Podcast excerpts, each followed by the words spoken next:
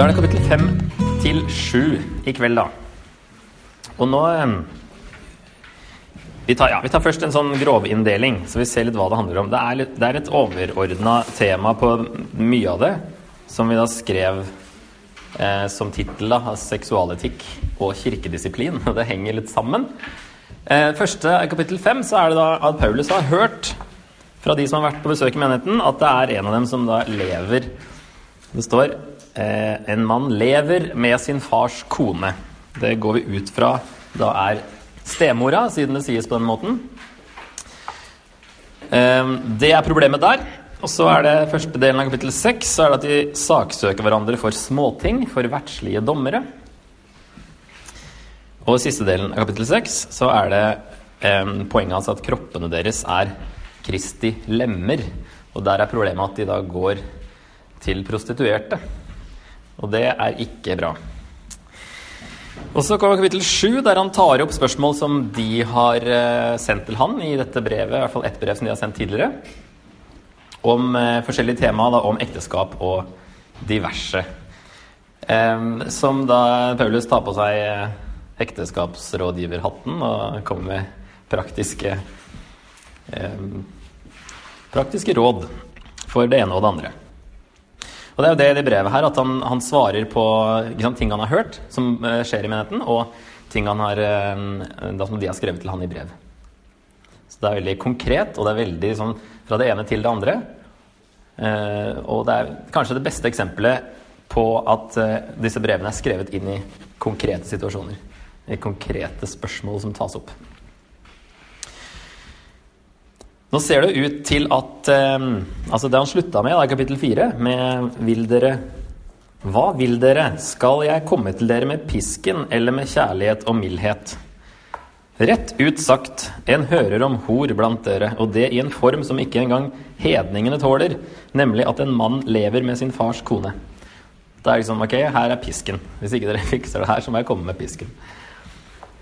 Og likevel er dere stolte dere burde ha kjent sorg og vist bort fra dere den som har gjort dette. For jeg, som er fysisk fraværende, men nærværende i ånden, har alt felt min dom over den som har gjort dette, som om jeg selv var til stede. Når dere samles i vår Herre Jesu navn, når jeg er til stede i ånden og vår Herre Jesu kraft er med oss, da skal dette mennesket overgis til Satan slik at kroppen hans blir ødelagt, men ånden kan bli frelst på Herrens dag. Dere har sannelig ikke mye å være stolte av. Vet dere ikke at litt surdeig gjennomsyrer hele deigen? Rens ut den gamle surdeigen så dere kan være en ny deig. Dere er jo som usyret brød, for vårt påskelam er slaktet, Kristus. Så la oss holde høytid, ikke med gammel surdeig av ondskap og synd, men med renhetens og sannhetens usyrede brød. Jeg skrev i brevet til dere at dere ikke skal ha noe å gjøre med folk som lever i hor. Jeg mente ikke alle i denne verden som driver hor, eller er grådige, eller er ransmenn og avgudsdyrkere. Da måtte dere jo gå ut av verden. Det jeg mente med det jeg skrev, var at dere ikke skal omgås en som kalles bror, og som likevel lever i hor eller er grådig, eller som er en avgudsdyrker, spotter, drukkenbolt eller ransmann. Slike skal dere heller ikke spise sammen med. Hva har jeg med å dømme dem som står utenfor? Er det ikke dem som er innenfor, dere skal dømme? Dem som står utenfor, skal Gud dømme. Få da den onde bort fra dere. Når du kommer på Utforsk, så blir det sånne temaer som du aldri hører i taler. Her, eh, eller tekster som aldri prekes over. Når man skal gå gjennom et helt brev, så kommer man inn på mye rart. Og det her var som sagt noe som alle, til og med hedningene, syntes det her var helt forkastelig. Og de tillot ganske mye, da. Ganske mye annet som eh, de kristne ikke ville være enig i. Og her har faktisk denne menigheten eh, gått så langt at det faktisk eh, det her er noe som, som det samfunnet på den gangen ikke tolererte. Eh, altså Prostitusjon var greit, utroskap var greit, homofile forhold var greit. Eh, incest var ikke greit. Så ikke ekteskap mellom søsken eller forhold mellom foreldre og barn. Og her er det nok at stemora blir sett på som mora, fordi det hadde veldig sånne strenge adopsjonsregler og sånne ting. sånn at det her ble nok da Dette var egentlig mora di, liksom. Og det er ikke bra. Straffen for dette her i uh, gresk-romersk uh, lov, det var da å bli bannlyst til en øy. Det her lar de da gå greit, liksom. Og så Paulus dere til og med stolte. Det er ikke sikkert de er stolte over akkurat det forholdet her. Eh, det kan hende, det er i hvert fall veldig på trynet. Men at de generelt er stolte, som vi så i de første fire kapitlene. Veldig sånn eh, høye tanker om seg sjøl. Når også samtidig lar det her pågå. Det føler Paulus ikke henger sammen i det hele tatt. Um, eller at de var stolte over at de var så tolerante. Kanskje det henger sammen med det de som, sitter, som kommer senere, dette med 'jeg har lov til alt, men ikke alt gagner'. At de er veldig sånn 'ja, det er greit, så jeg har lov til alt'. På grunn av nåden, eller et eller annet. Eh, eller at de, det spekuleres litt om den mannen her var en sånn eh, høyt på strå-figur som de var stolte over å ha i menigheten, uansett hvordan han levde. Det er ikke så mye spor uh, i teksten av det, men det er, sånn, det er jo mulig, det òg. Og Paulus, det er rare greiene han sier her om å være med dem i ånden og nærværende i ånden. Det er ikke noe sånt Jeg tror ikke det er noe sånn metafysisk opplegg som han snakker om, at, han, at hans ånd faktisk kommer til å befinne seg i Korint. Eh, men man tenkte litt sånn når man skrev brev, så var det liksom at da var man sammen med dem når brevet ble lest opp. Eh, da var liksom forfatteren til stede. Så kanskje han tenker på da når dette brevet leses opp i menigheten, da, da, da felles liksom Paulus sin dom, selv om den er gjort allerede når han skriver. Så blir den offentliggjort da, når de leser opp. Og da blir det som om han er til stede og liksom sier sin mening om dette her. Eh, men det er rart, rar måte å si det på, at han sier at Jesu kraft er med oss. Så liksom han inkluderer seg selv i når de samles som menighet der i Korint. Eh, og da skal dette mennesket overgis til Satan, slik at kroppen hans blir ødelagt. Vi kommer straks tilbake til det. Fordi det Paulus sier på slutten er det ikke dem, vers 12, er det ikke dem som er innenfor, dere skal dømme? Han skal ikke dømme de som er utafor, skal ikke dømme de ikke-kristne for at de ikke lever som de skal. Eh, det er jo det vi ofte er litt sånn kjent for, å være fordømmende og pekefinger osv. Paulus sier 'hva har jeg med det å gjøre'? Gud skal dømme de. Dere må dømme de som er innenfor menigheten. Og så er det som den første vi tenker på eh, Jesus sa jo 'døm ikke'. Eh, og det er kanskje ikke-kristnes favorittvers fra Bibelen. Ingen kan dømme meg. Altså det, det, er liksom det, De vet i hvert fall at Jesus sa det. Eh, døm ikke for at dere ikke skal bli dømt, sier han i Matteus 7,1.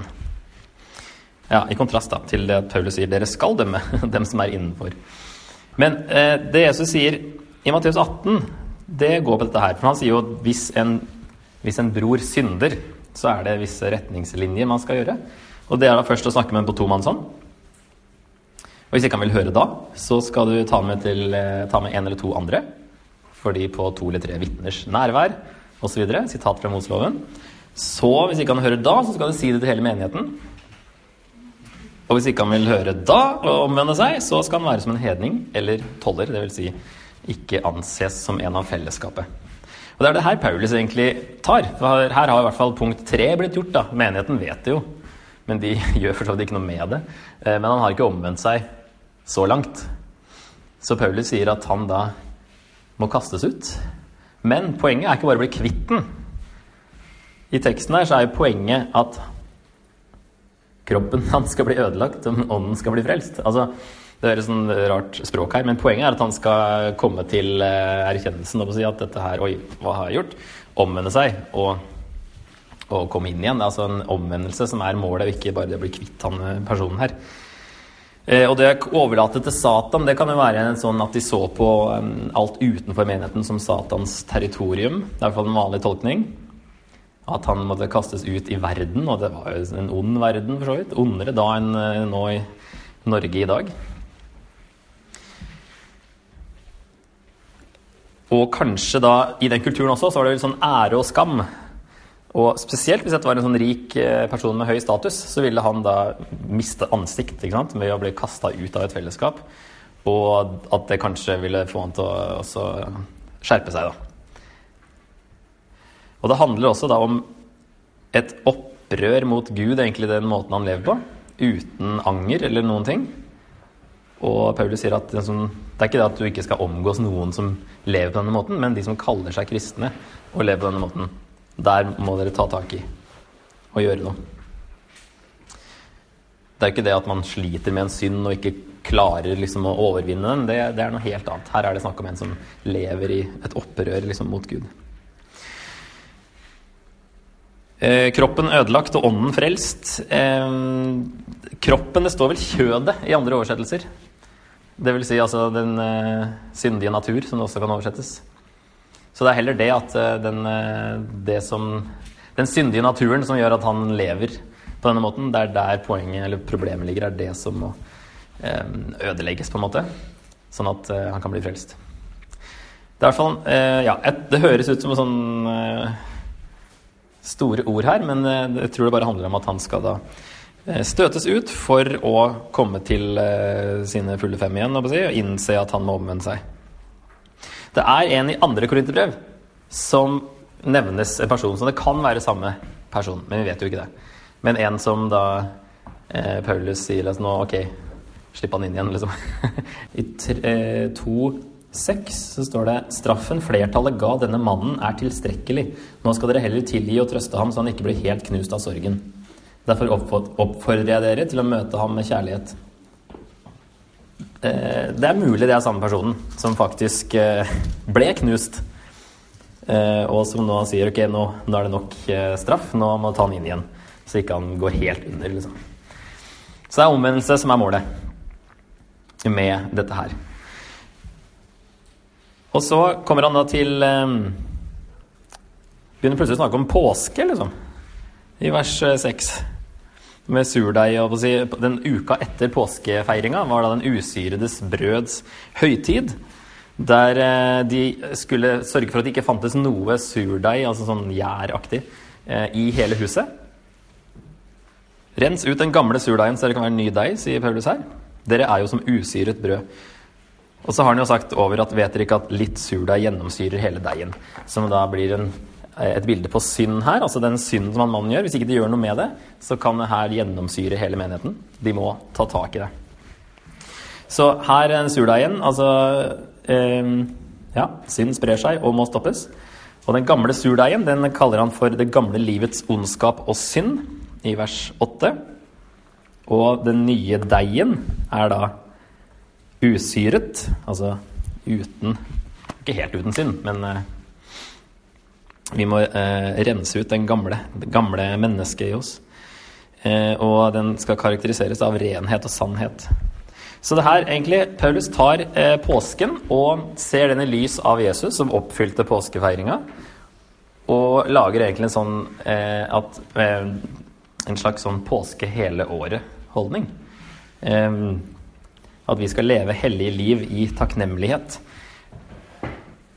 Fordi Jesus da eh, siden han oppfylte påskehøytiden, Jesus, så kan Paulus da overføre denne loven om å rense ut surdeigen fra huset til å lage et bilde på å rense ut synden av livene våre. Så han snakker om å leve rett, egentlig. Det å ha, liksom, leve påsken hele året. Det er å leve rett, og da i takknemlighet for det Jesus gjorde. Siste verset vi kan ta det. Så når han sier 'få den onde bort fra dere', så er det nevnt eh, 13, nei, skal si, 9 ganger i 5. Mosebok, der det er snakk om å eh, om, i dødsstraff da, å få noen ut av folket. Det var visse lover det var dødsstraff for, og eh, på den måten skulle de rense ut det onde fra folket.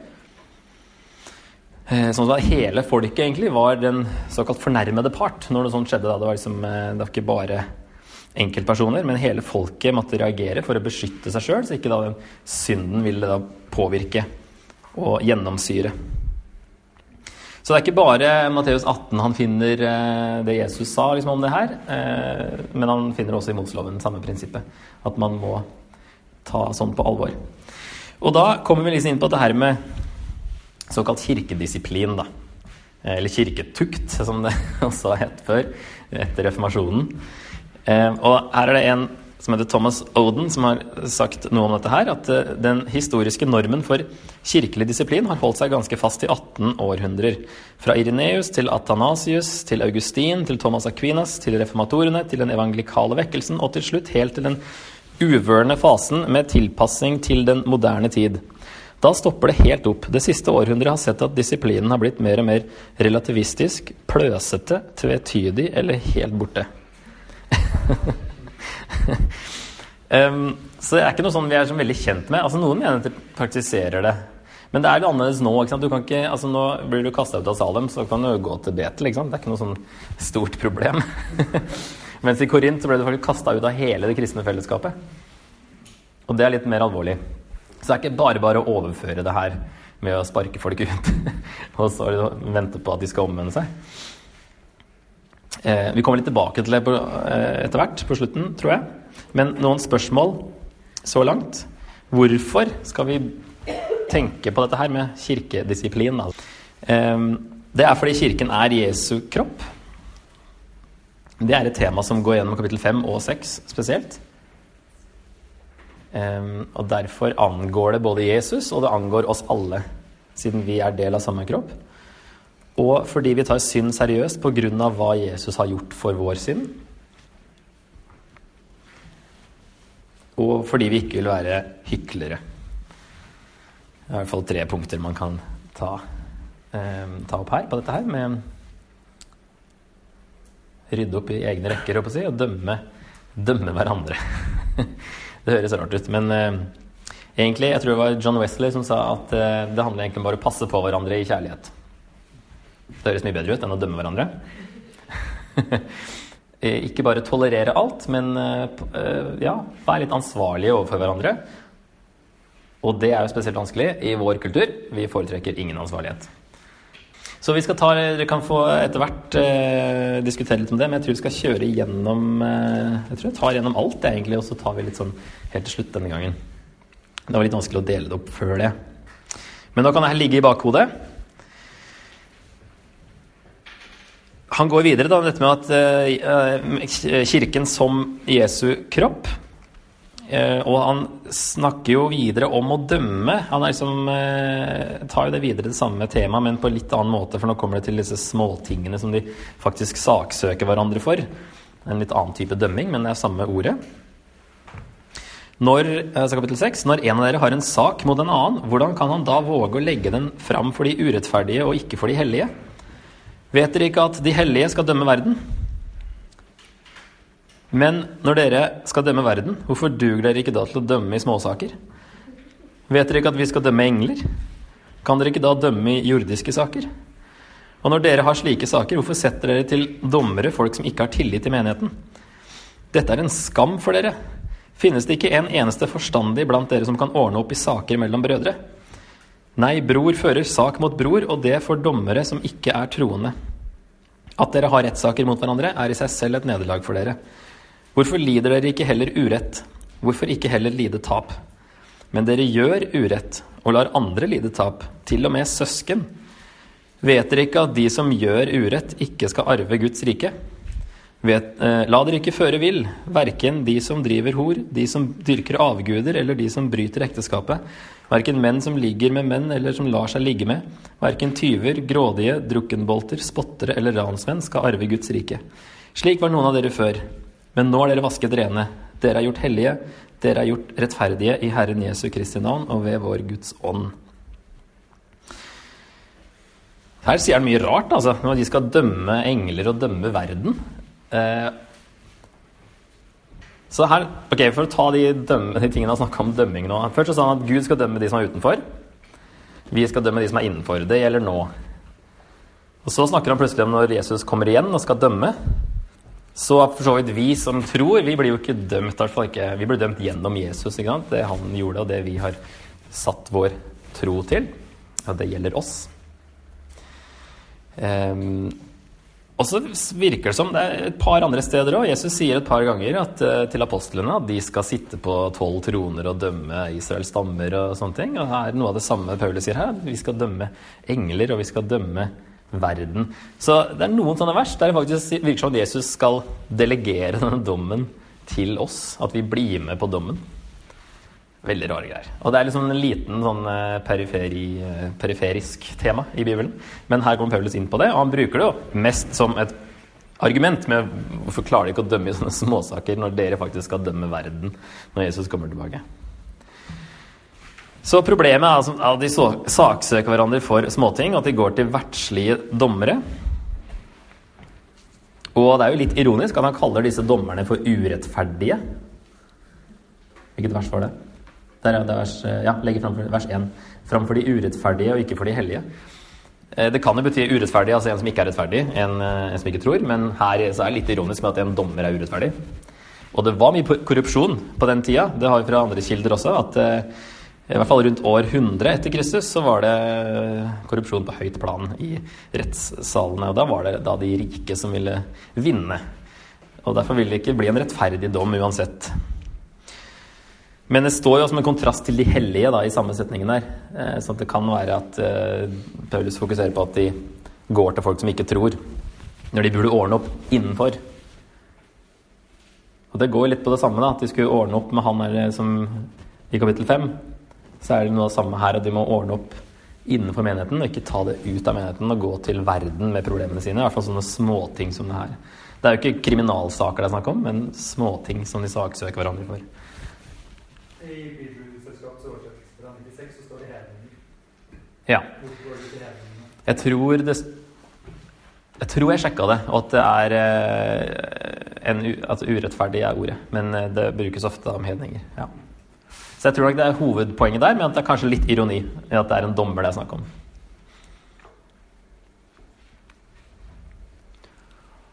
Og det er mulig det er en sammenheng til kapittel 5 også, hvis man da spekulerer i at Eh, han mannen da med sin fars kone, eh, at ekteskap ofte er knytta til eiendom, og at det kan ha vært mye, sånn, eh, mye å tjene på inni dette her også. Og at det er kanskje derfor han går videre på dette her med småting. Men uansett var det flere rettssaker det er snakk om her, da. Og så er det jo ironisk igjen når han sier at finnes det ingen forstandig blant dere, i vers 5? Når de skrøt av å være så innmari vise. Da burde dere i hvert fall klare å dømme dette her inn i menigheten. Når dere er så innmari kloke og vise og filosofiske. Men eh, det klarer de ikke. Så eh, løsningen, ifølge Paulus, da, er heller å lide urett og fikse problemene innenfor menigheten. Og ikke gi menigheten et dårlig rykte ved å gå ut med disse småtingene. Følge Jesu eksempel, egentlig. Lid urett og tål tap. Istedenfor å alltid liksom stå på ditt og skal vinne alt. Heller følg Jesu eksempel. Eh, også sånn Israel gjorde det i Gammeltestamentet. De, hadde jo, de ordna opp eh, internt. Med enten at de gikk til Moses på den tida, og at han etter hvert delegerte til mange andre, for det var altfor mange ting å dømme mellom. Så han trengte flere folk. Eh, og så har vi jo dommertida, med dommere der de måtte dømme. Så de, de, klarte det, og det er det samme prinsippet der Paulus mener at det bør menigheten klare. Roten til hele problemet er jo holdningen da at de ikke behandler hverandre som søsken, og står litt for mye på sitt. På min rett. Og at i stedet for å lide urett, så gjør de urett. De gjør det motsatte av det de egentlig burde. Men altså, ja, først og fremst unngå å gå til sak mot andre kristne, da, i hvert fall så langt det er sånne småting som ikke er så viktig. Eh, det er jo, Da handler det om rettssaker. Da, da, er du liksom veldig inne i samme kategori. Men eh, generelt å være villig til å lide urett, slik Jesus gjorde. Holdningen bak. La den andre vinne krangelen. Vi trenger ikke å vinne alle krangler med andre mennesker. Og da ikke gå til media med noe som kan ordnes innenfor menigheten. Ja. Det har irritert meg over det i mange år, ja. alle de leserinnleggene der folk kan ikke ta en telefon først. da, å Skrive et leserinnlegg så alle får lese det. liksom. Som sagt, det her legger vi også eh, bak i hodet, så tar vi det opp helt til slutt med noen spørsmål som dere skal få snakke litt rundt. Nå kommer vi jo til eh, Jeg kan liksom ikke bare hoppe over dette homofili-greiene, da. Selv om det kan man jo får lyst til av og til. Eh, dette er jo en av tre steder som Paulus snakker om eh, homofili. Og eh, Han kommer jo med denne lista pga. disse rettssakene, og linken er at han sier 'Dere gjør urett' i vers 8. Og så sier han i vers 9 Vet dere ikke at de som gjør urett, ikke skal arve Guds rike? Så det er jo at de står i fare for å faktisk ikke arve Guds rike med måten de lever på. Og så kommer det da den lista, som er ti ting han ramser opp. Og det er samme liste som han ramsa opp i kapittel fem, men legger til fire ting. Så det er liksom en utvida versjon av forrige liste. For å liksom da skremme dem litt med å si at dere, dere er i samme kategori som disse andre gruppene som ikke kommer til å arve Guds rike. Ja, det første han nevner, er jo hor, da, for det er det som er denne saken i kapittel 5 også. Så han, Det er det første han nevner i, i lista i kapittel 5 òg. Så det henger jo sammen med den, det problemet der. Og så lager han da en lengre liste. Um, så han nevner jo da blant annet menn som ligger med menn, og som lar seg ligge med. Uh, det er ikke liksom det at han fremhever det noe mer, men det er en del av den lista. Og det er uh, like ille som å være grådig. Uh, og i Romerne så er det lista der så er det like ille som å være ulydig mot foreldrene. Og det er like ille som å um, baktale. Så det er, det er liksom en del av den en sånn generell Eh, det som ikke er etter Guds vilje. Og um, vi har jo tenkt i Salem å ha en større sak på akkurat det spørsmålet. Eh, homofili. Så at, eh, det blir ikke sånn all verdens nå i kveld. Men eh, jeg må ta litt, tenkte jeg. Eh, men eh, Salem står jo for det klassiske synet, men er veldig opptatt av hvordan det kommuniseres. For det man kan eh, kommunisere veldig hardt. Eh, veldig opptatt av personen oppi det hele. Så vi eh, har tenkt, det er ikke så veldig konkrete planer om å ha, eller når det blir, men det er tanken å ha et, et seminar. Men jeg tenkte vi må ha litt, siden vi er litt inne i Paulus og Korint, og sånne ting, altså ta litt av bakgrunnen. For det, er det som er problemet, er man tenker at Paulus ikke kjente til samme type homofili som vi kjenner til i dag. Og da er det en som heter Robert Gagnon, som er, går for å være en av de ekspertene på dette her. Han har skrevet en bok på 500 sider som heter 'The Bible and Homosexual Practice'. Det er sånn de skriver. 500 sider sitter de og skriver om ett tema. Så han har da god oversikt eh, over um, dette her. Uh, han uh, sier bl.a. at den som påstår at de ikke kjente til gjensidige kjærlige homofile forhold i antikken, kjenner rett og slett ikke til det antikke bevismaterialet. Og han siterer også uh, homofile og lesbiske forskere, som også har skrevet 500-600 sider om lignende temaer, som er enig med det. De hadde faktisk også ulike teorier om opphavet til homofili allerede i antikken. Det er jo ikke selvfølgelig sånne ting som Eh, samme ting som vi da ville diskutere, men eh, de snakka også om det var biologisk og medfødt. Eh, Aristoteles blant annet, han eh, nevner at noen er det av naturen, noen kan være det av vane, og andre pga. misbruk som barn. Sånn at eh, det var ikke noe Det er ikke noe nytt, det, at vi har begynt å tenke på om det er noe sånt. Eh, ja, så hvis vi leser mer av det han har skrevet, så er det da nettside robgagnon.net. Tenker bare å liksom lufte litt noen forskjellige stemmer her. En annen, Bjørn Helge Sandvei, han var min gresklærer på MF. Utrolig fin fyr. Han eh, sto fram som homofil senere.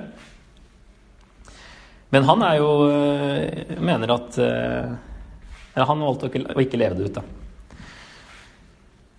Eh, og han sier da, han, samme som han Gagnon, antikke kilder vitner om at et trofast homofilt samliv slett ikke var sjeldent i den gresk-romerske kulturkrets. Og at Paulus da etter alt å dømme kjente til de samme formene som homofili, for homofili, så han at Paulus er en av de få antikke forfattere som omtaler både mannlig og kvinnelig homoseksualitet. Og kvinnelig, altså lesbiske forhold, det var stort sett sett ned på av alle. Men eh, mannlige, det var liksom mer positivt, da. Men det var ingen egentlig som mente at uh, homo kvinnelige homofile forhold var positivt. Uh, så Paulus kjente til begge deler. Og bruker han legger fram i Romerne 1 legger han fram det kvinnelige først. For det vil alle være enig i. Eh, omtalen av homoseksuell atferd i 1. Korinter 6 viser at dette representerte en kjent virkelighet fra livet for ham. Slik var noen av dere før, sier han i vers 11. Etter den lista så sier han slik var noen av dere før, men nå er dere vasket rene, dere er gjort hellige, dere er gjort rettferdige i Herren Jesu Kristi navn og ved vår Guds ånd.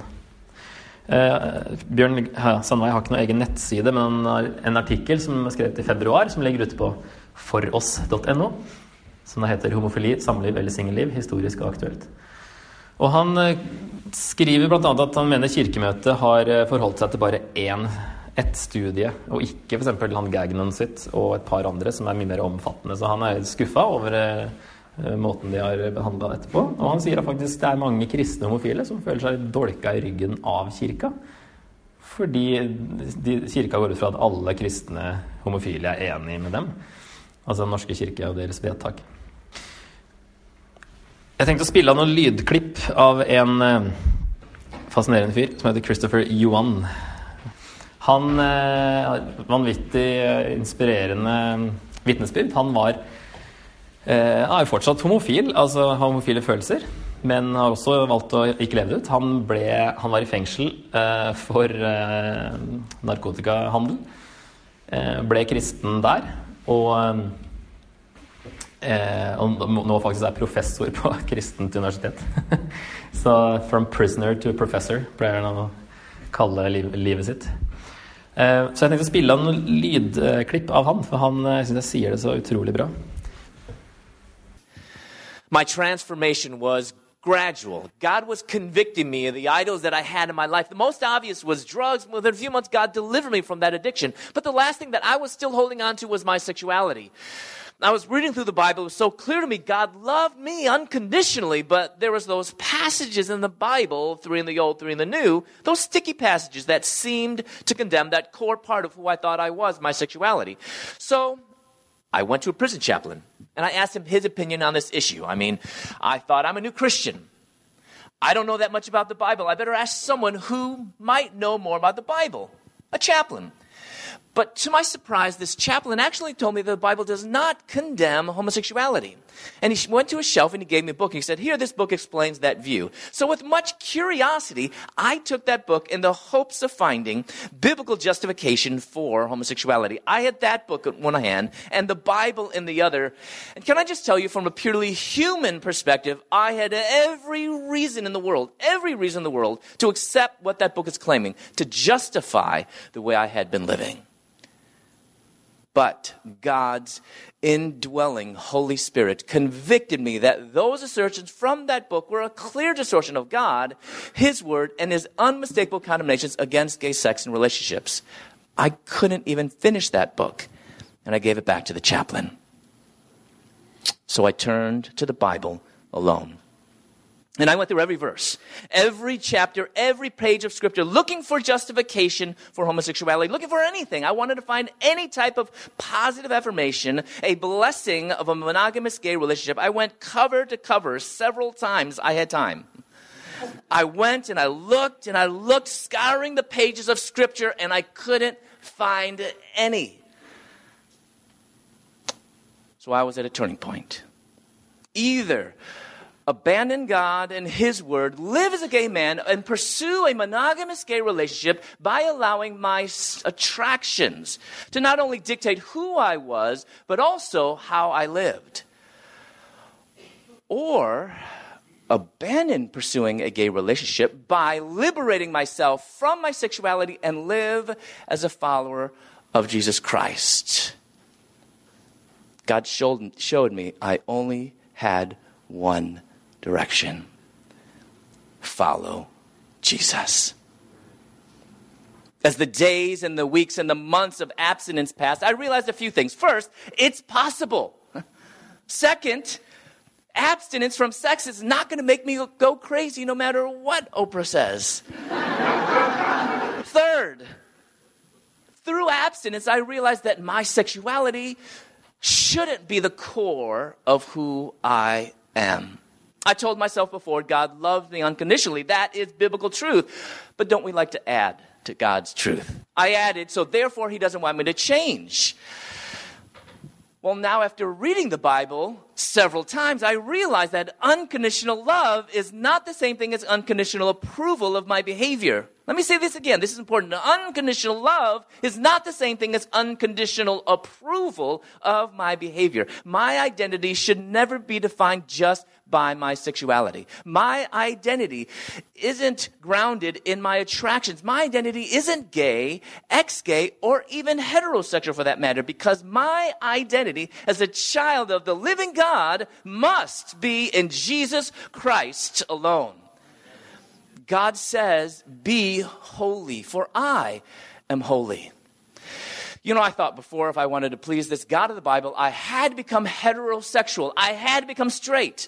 But even people who have heterosexual feelings still struggle with sin. So that should not be my goal. Besides, God never said, be heterosexual, for I am heterosexual. But neither did he say, be homosexual, for I am homosexual. Rather, God said, be holy, for I am holy. So the opposite of homosexuality is not heterosexuality, but the opposite of homosexuality is holiness. As a matter of fact, the opposite of anything is holiness. Our goal as Christians is holiness. So, change is not the absence of temptations, but change is the ability to be holy even in the midst of our temptations.